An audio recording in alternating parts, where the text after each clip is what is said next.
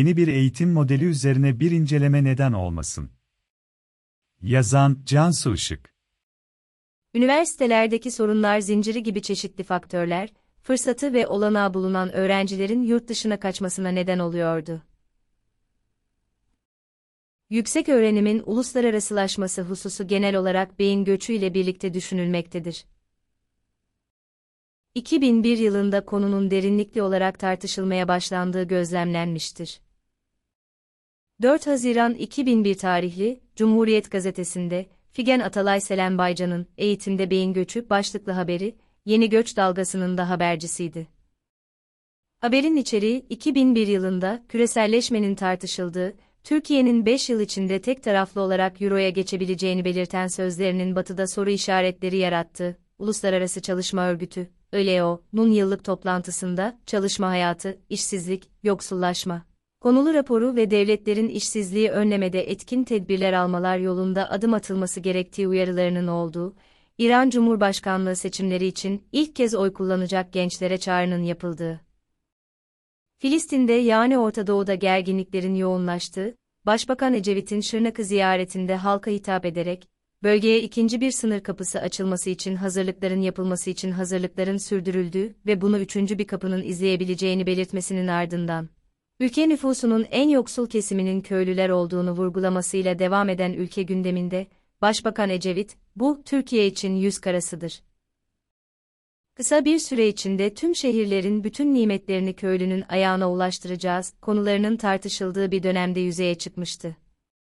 2001 yılı, dünya genelinde 1 milyar işsizin olduğu, küreselleşme ile işsizlik arasındaki ilişkinin tartışıldığı ve yeni krizin kapılarını yavaş yavaş araladığı bir dönemin işaretiydi. ÖLO Sekreteri Juan Somevia'nın şu açıklaması, küreselleşen gündemlerin yeni inşa alanlarını ve kriz alanlarını açımlıyordu küreselleşme ile birlikte produktivitenin artması, genel gelir ortalamasının yükselmesi, yoksulların sayısının artmasını engellemiyor. Cumhuriyet, 2001, 8. Bu kapsamda Batı'ya eğitim amaçlı göç gündemi, 2001 yılındaki haber başlığıyla değerlendirildiğinde, ekonomik kriz öncesinde orta gelir düzeyine sahip ailelerin, Türkiye'deki özel üniversitelere verecekleri parayla çocuklarını yurt dışına göndermeleriyle haber olmaya başladı yabancı bir diplomayla daha iyi iş bulma umudu, yurt dışında 30 bin Türk öğrencinin, lisans lisansüstü, öğrenim gördüğü bir dönemde tartışılmaya başlandı. Örneğin, öğrencilerin en çok tercih ettiği ülke Amerika Birleşik Devletleri'nde bir üniversitede öğrenim görmek o dönemdeki rakamlara göre 15 bin dolar kadardı. Batılı toplumlar, 18. yüzyılın sonları ve 19. yüzyılın başlarında geçiş aşaması toplumun sancılarını yaşıyordu. Yani, monarşik yönetimden cumhuriyet yönetimine geçişin sancısıdır bu dönemler. Bu dönemde politik yöntem ile kitlesel devlet okulu eğitimi arasında yakın ilişkiler gelişmişti. Eğitim eleştirmenlerine baktığımızda, William Godwin, Francisco Ferrer ve Ivan Illich gibi yazarların eleştirilerini görmekteyiz. Bu eleştirilerin önemi, eğitim konusunun sadece bir toplumsal hareketlilik meselesi yarattığı gerçeğini değil, toplumsal yapıdaki bir takım değişiklikleri ürettiği gerçeğinin ortaya çıkmış olmasını gündemine almasıdır.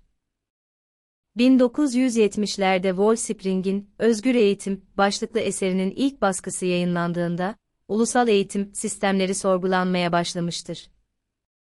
Özellikle ulusal eğitim sistemlerinin giderek daha fazla otoriter bir tarza bürünmesi, kamusal okul sistemleri, Türkiye'dekiler de dahil olmak üzere, piyasaya itaatkar işçi yetiştirmek üzere ulus çapındaki sıkı sınav sistemleri, yürürlüğe girince, küresel ekonomilerdeki gölge eğitimler, Spring'in tanımıyla tartışılmaya başlandı. Bu noktada iyi yurttaşlık gibi hayata hazırlayan modeller değil, sıkı, otoriter sınav sistemleri radikal kopuşu beraberinde getirmiştir. Aslında temel mesele şudur, radikal eğitim, toplumu radikal olarak değiştirmekten ziyade, ıslah etmeyi hedefliyordu ve egemen gelişme akımlarının da dışında yer alıyordu. Örneğin, devlet okulları, yoksulların çocuklarını eğitip, onları var olan toplumsal yapıdan kurtararak, yoksulluğu ortadan kaldırabilmeyi hedefler. Radikal eğitim ise, bu toplumsal yapıyı destekleyen toplumsal tutumları değiştirmeye çalışır. Spring'in ortaya koyduğu ayrımın önemi, ıslaha yönelik eğitimin sorularından farklı ve özgür eğitimin temellerinin atılması yönündeydi. Eğitime yönelik radikal yaklaşım söylemleri, 19.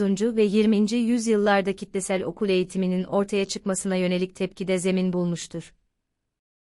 Radikal eğitim yaklaşımı, konusunu, okulun politik, toplumsal ve ekonomik gücünden almıştır.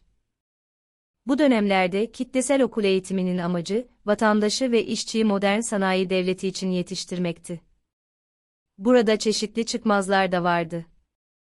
Örneğin, devlet okullarının, hükümetin denetimi altındaki emirlerine körü körüne bağlanma ve boyun eğme durumları ortaya çıkabiliyordu.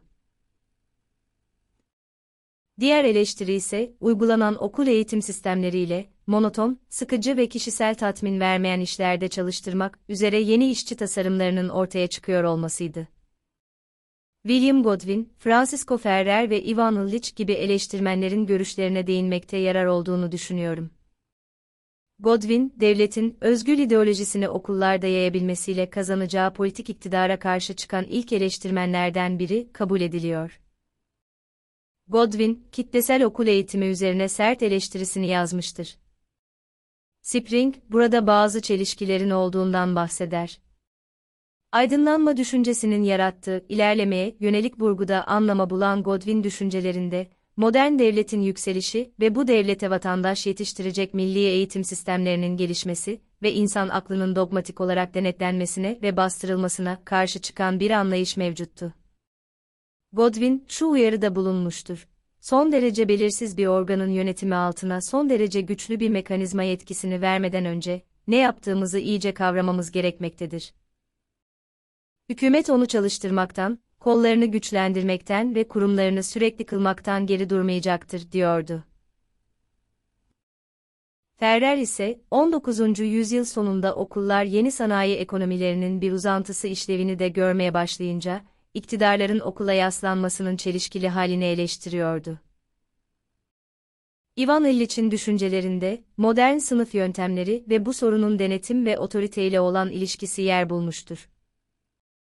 Dolayısıyla okulun politik ve ekonomik ideoloji tarafından kullanılması sıklıkla yer bulmuş ve yeni tartışmalar açmıştır. Ancak hatırlanması gereken, okulun toplumsallaşma sürecine vereceği katkının, yurttaşlık gibi temel karakterini veren rolünün karşılayacağı anlamdır. Bu durumlar, temel olarak gençler arasında yeni bağımlılık biçimleri doğuruyordu. Özgürlükçü eğitim modelleri, eski eğitim planlarından biri olan sözleşme kuramcısı J.J. Rousseau, 18. yüzyılda yazdığı Emile adlı eserle birlikte anılmıştır. J.J. Rousseau, çocukları dünyayı sorgulamayacak bir biçimde yetişen ve otoriter bir öğretimden uzak tutmak mümkün müdür sorusuna yanıt arar. Rousseau göre sorumluluk, boyun eğme, emir, yükümlülük gibi sözcükler listeden çıkarılmalıydı.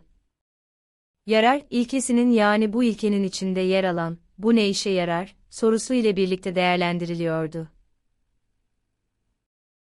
Dolayısıyla Emile adlı eserler, Türkiye tarihinde de önemli bir yere sahiptir ve hürriyetçi yazarlar bu eserden esinlenmiştir. Emile adlı eser, kişinin başkaları ile ilgili iyi ya da kötü kaygılarının, kendisiyle diğerleri arasında kurduğu özdeşliğin bir sonucu olmalıydı. Bertrand Russell, çağdaş eğitim kuramının temel koşullarının öncelikle demokrasinin ilkeleriyle gerçekleşebileceğine, ilerlemenin de mekanik bir eşitlikle değil, toplumsal haksızlıklarla tesadüfi olarak bütünleşmiş değerli ürünlere de zarar vermekten kaçınarak sağlanacağından bahsetmiştir. Russell, eğitimi, eğitimin ideallerini, eğitiminin karakter boyutlarını, ilk yıl, korku, oyun ve düş gücü, yapıcılık, bencillik ve mülkiyet, doğruluk, ceza, diğer çocukların önemi, sevgi ve sempati, cinsellik eğitimi, anaokulu, zihinsel eğitim, genel ilkeleri, gündüz oyatılı okul, üniversite başlıklarında tasarlamıştır. Belirtilmesi gereken husus, Russell'in gelecek olan mutluluk çağında sağlık, özgürlük, mutluluk, iyilik, zeka gibi hepsi genel tanımlar olsa da genç kuşaklar için bilgi vardır. Sevgisizlik, onun uygulanmasına engel oluyor diyerek, korkunun temellerine, bağnaz milliyetçi ideolojilerle, genç bireylerin huylarındaki doğal sevecenliğin unutulduğundan yakınmış olmasını hatırlatmak önem kazanıyor. Türkiye'de toplumsal hareketlilikler, katmanlar, bilginin birikimi ve ilerlemeye duyulan inanç gibi yer yer keskin kutuplarda yer alan başlıklarla birlikte, eğitimin göç kanalıyla beşeri sermayeye etkisinin uluslararası boyutu iktisadi ve kültürel yanının önemli olduğunu gösteriyor. Özgür bir eğitim, gelecek kuşaklar ve sağlıklı bir toplum için son derece önemli hale gelecektir.